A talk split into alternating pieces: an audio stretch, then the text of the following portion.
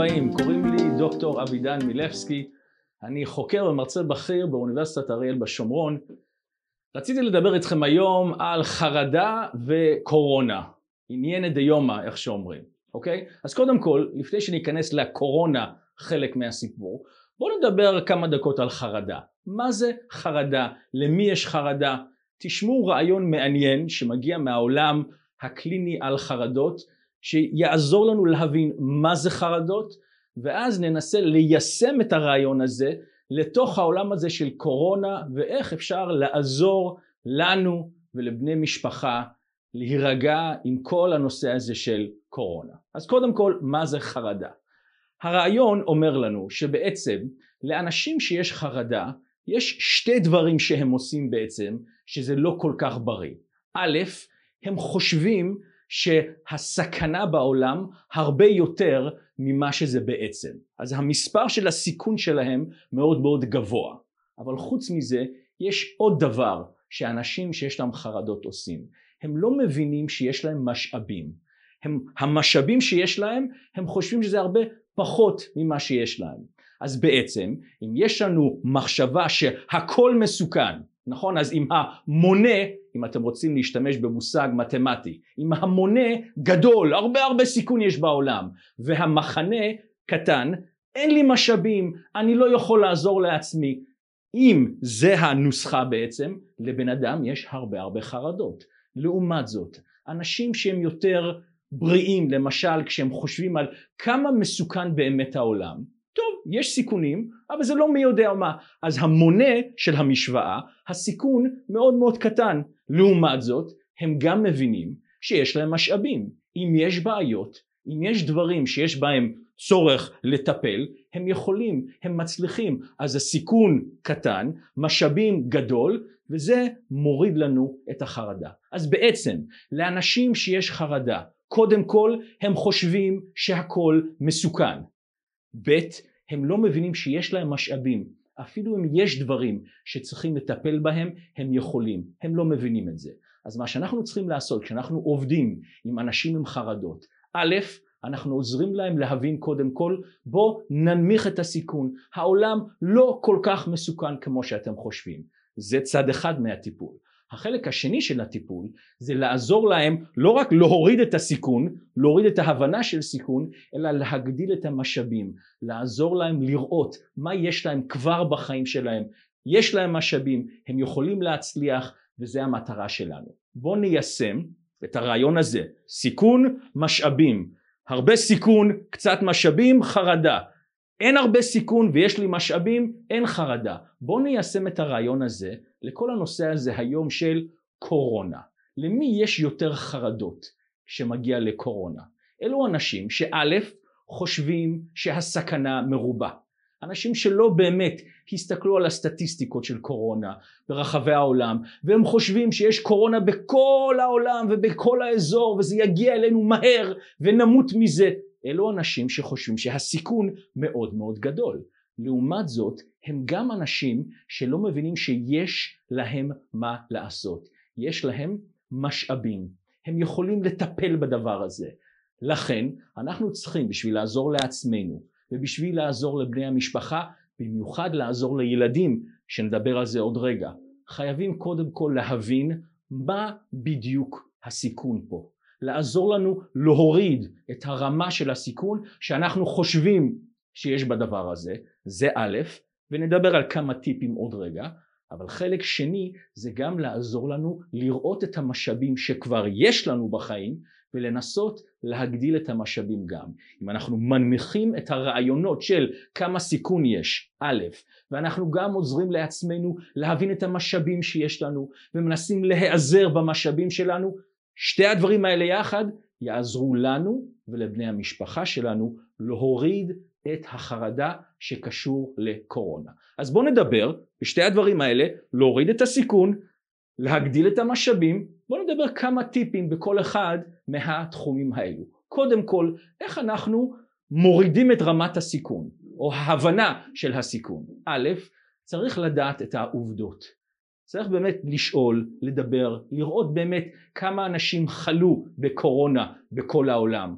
כמה אנשים חלו את זה בצורה קשה מאוד, כמה אנשים מתים מזה, כמה אנשים שנפטרו מזה כבר היו להם מחלות לפני זה, כמה אנשים, אנשים מאוד מאוד זקנים שהיו להם מחלות לפני זה גם. אם אנחנו מבינים את העובדות, אנחנו קודם כל מבינים שהסיכון שאנשים עם חרדת הקורונה יש להם, הסיכון הוא לא כל כך גדול. אז זה מאוד מאוד חשוב לדעת את העובדות, וזה מאוד מאוד חשוב לדבר עם ילדים על העובדות האלה. כי מה שאנחנו יודעים עם ילדים, זה שילדים יש להם דמיון ענק ועצום.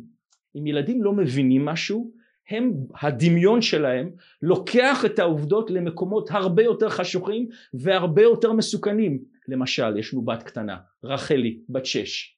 היא חשבה שבידוד זה מקום כמו איזשהו בית סוהר ששוטרים מגיעים לוקחים אתכם לבידוד ועכשיו אתם צריכים להיות בבידוד עכשיו כן אם אני הייתי חושב שבידוד זה איזשהו מקום באיזשהו כלא גם אני הייתי מפחד נכון? זה סיכון גדול. מה היינו צריכים לעשות עם הבת שלנו?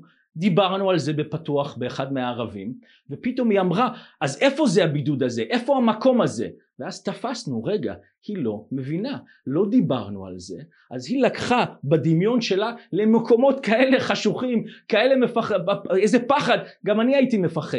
לכן צריך להסביר לילדים האם זה באמת מסוכן? מה זה בדיוק? והסברנו לה בידוד זה לא איזשהו מקום שלוקחים אתכם. בידוד זה בסך הכל לשבת בבית בלי אינטראקציות עם אנשים. וזה הרגיע אותה. למה יכלנו לעשות את זה? כי דיברנו פתוח על הנושא הזה. אנחנו לא אין סודות לגבי הנושא הזה. אנחנו לא אומרים עדיף שהילדים לא ידעו מהדברים האלה זה לא הגישה הנכונה. ילדים הרבה יותר חכמים ממה שאנחנו מבינים. ואנחנו חייבים לשבת איתם להסביר להם מה זה בדיוק הדבר הזה. ולכן שוב פעם כשיש תקשורת פתוחה עם ילדים, בני המשפחה, אפילו ילדים קצת יותר גדולים שאנחנו חושבים כן הם בטוח מבינים לא, הם גם חושבים דברים מאוד מפחידים בדברים האלה. רק כשאנחנו יושבים קודם כל איתנו להבין את הסיכון, זה לא כל כך מסוכן כמו שאנחנו חושבים. א', ובמיוחד עם בני משפחה וילדים, לשבת איתם, לדבר איתם, לא רק שיהיה חמש דקות ביום שמדברים על זה, שיהיה אווירה פתוחה.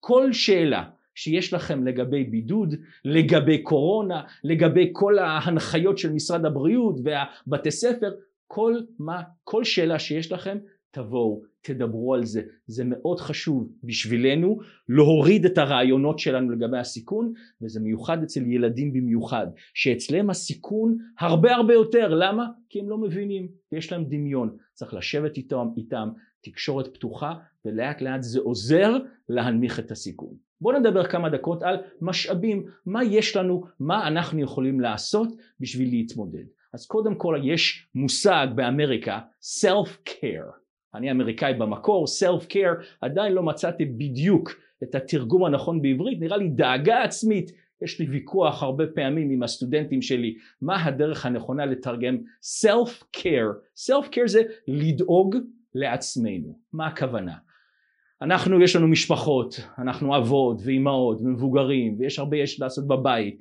גם לטפל בילדים וגם לטפל בדברים שקשורים לעבודה אולי שאנחנו, אם אנחנו עובדים מהבית וכל המטלות ששולחים לבתי ספר, רשימה שלמה של מטלות, צריך איזשהו צוות שלם של מורים בשביל לטפל בכל המטלות האלה, לכן אנחנו חייבים קודם כל משאבים שלנו, לדאוג לעצמנו כל יום לאכול בצורה נכונה, כמו שאכלנו לפני בעיית הקורונה, לטייל קצת, לעשות את התעמלות כמה שאפשר לפי ההנחיות, חייבים לדאוג לעצמנו. דאגה עצמית זה מאוד מאוד מותר לנו להיות קצת אנוכיים. כן, נטפל בעצמנו קצת, אם אנחנו מטפלים בעצמנו, אנחנו יושנים טוב, אוכלים כמו שצריך, דואגים לעצמנו, זה יעזור לנו להירגע וזה יעזור לנו להרגיע את בני המשפחה. זה א'.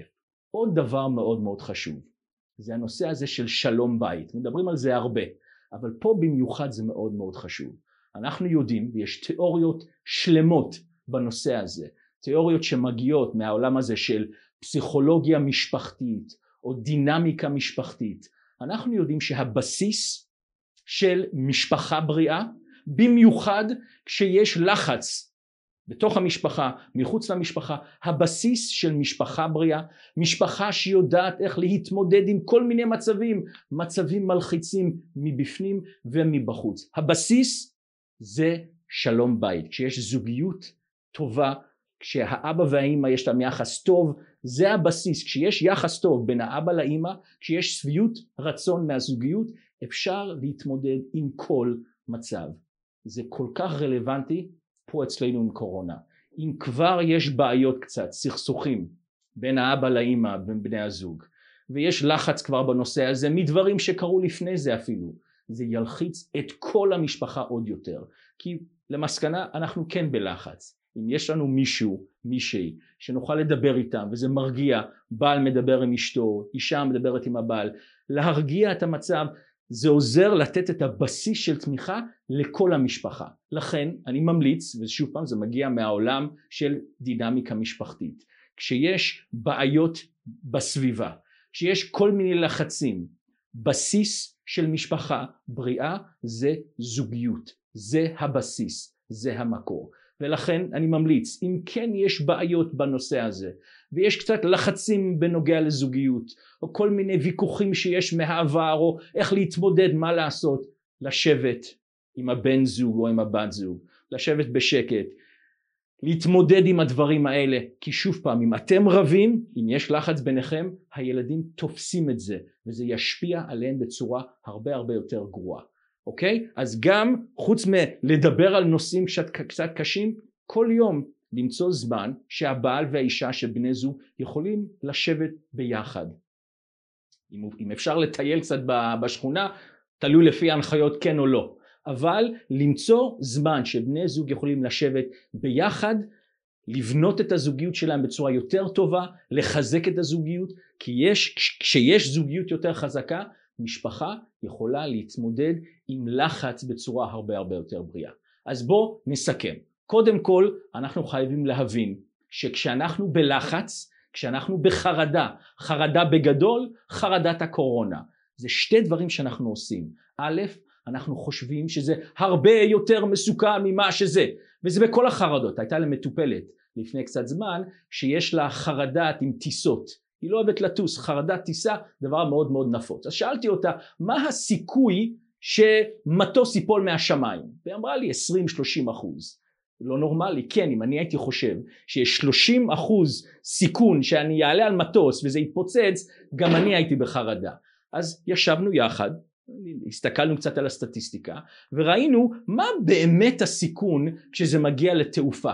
מה אנחנו ראינו? בזמנים נורמליים, לא עכשיו עם כל הנושא של קורונה, אבל בזמנים נורמליים, בכל שנייה במהלך היום, כשבארצות הברית זה יום, יש עשר אלף מטוסים שטסים בכל שנייה, עשר אלף. כשבארצות הברית זה לילה, יש בערך ששת אלפים טיסות. עכשיו, תעשו חשבון, במהלך כל היום, שבועות, חודשים, כמה מטוסים שמענו שנפלו מהשמיים במהלך חמש שנים האחרונות. הסיכוי זה כמעט אפס. אבל מה קרה עם המטופלת שלי? היא לקחה את הסיכון הזה ועשתה מזה 20 אחוז. כן, גם אני הייתי מפחד. אז אנחנו חייבים להבין את הסיכון. קורונה, כן, צריך להיזהר, אבל זה לא מסוכן כמו שאנחנו חושבים. וזה עוזר לנו להנמיך את הסיכון, ובמיוחד אצל ילדים, לדבר איתם, כי הם חושבים שזה הרבה יותר מסוכן, למה? כי זה הדמיון שלהם, זה א', וגם להתמקד על המשאבים. מה יש לנו במשפחה, מה יש לנו בבית, מה אנחנו יכולים לעשות בשביל עצמנו להגדיל את המשאבים, לדאוג לעצמנו, וכמו שאנחנו אומרים, מאוד מאוד חשוב להתמקד על הבסיס של משפחה בריאה, וזה זוגיות טובה, לשבת עם בעל, לשבת עם אישה, לשבת עם בן זוג ולהתמודד עם הבעיות יחד, כי אז אם יש את הבסיס הזה, כל המשפחה יכולה להתמודד עם המצב המוזר הזה בצורה הרבה הרבה יותר בריאה. בהצלחה לכולם.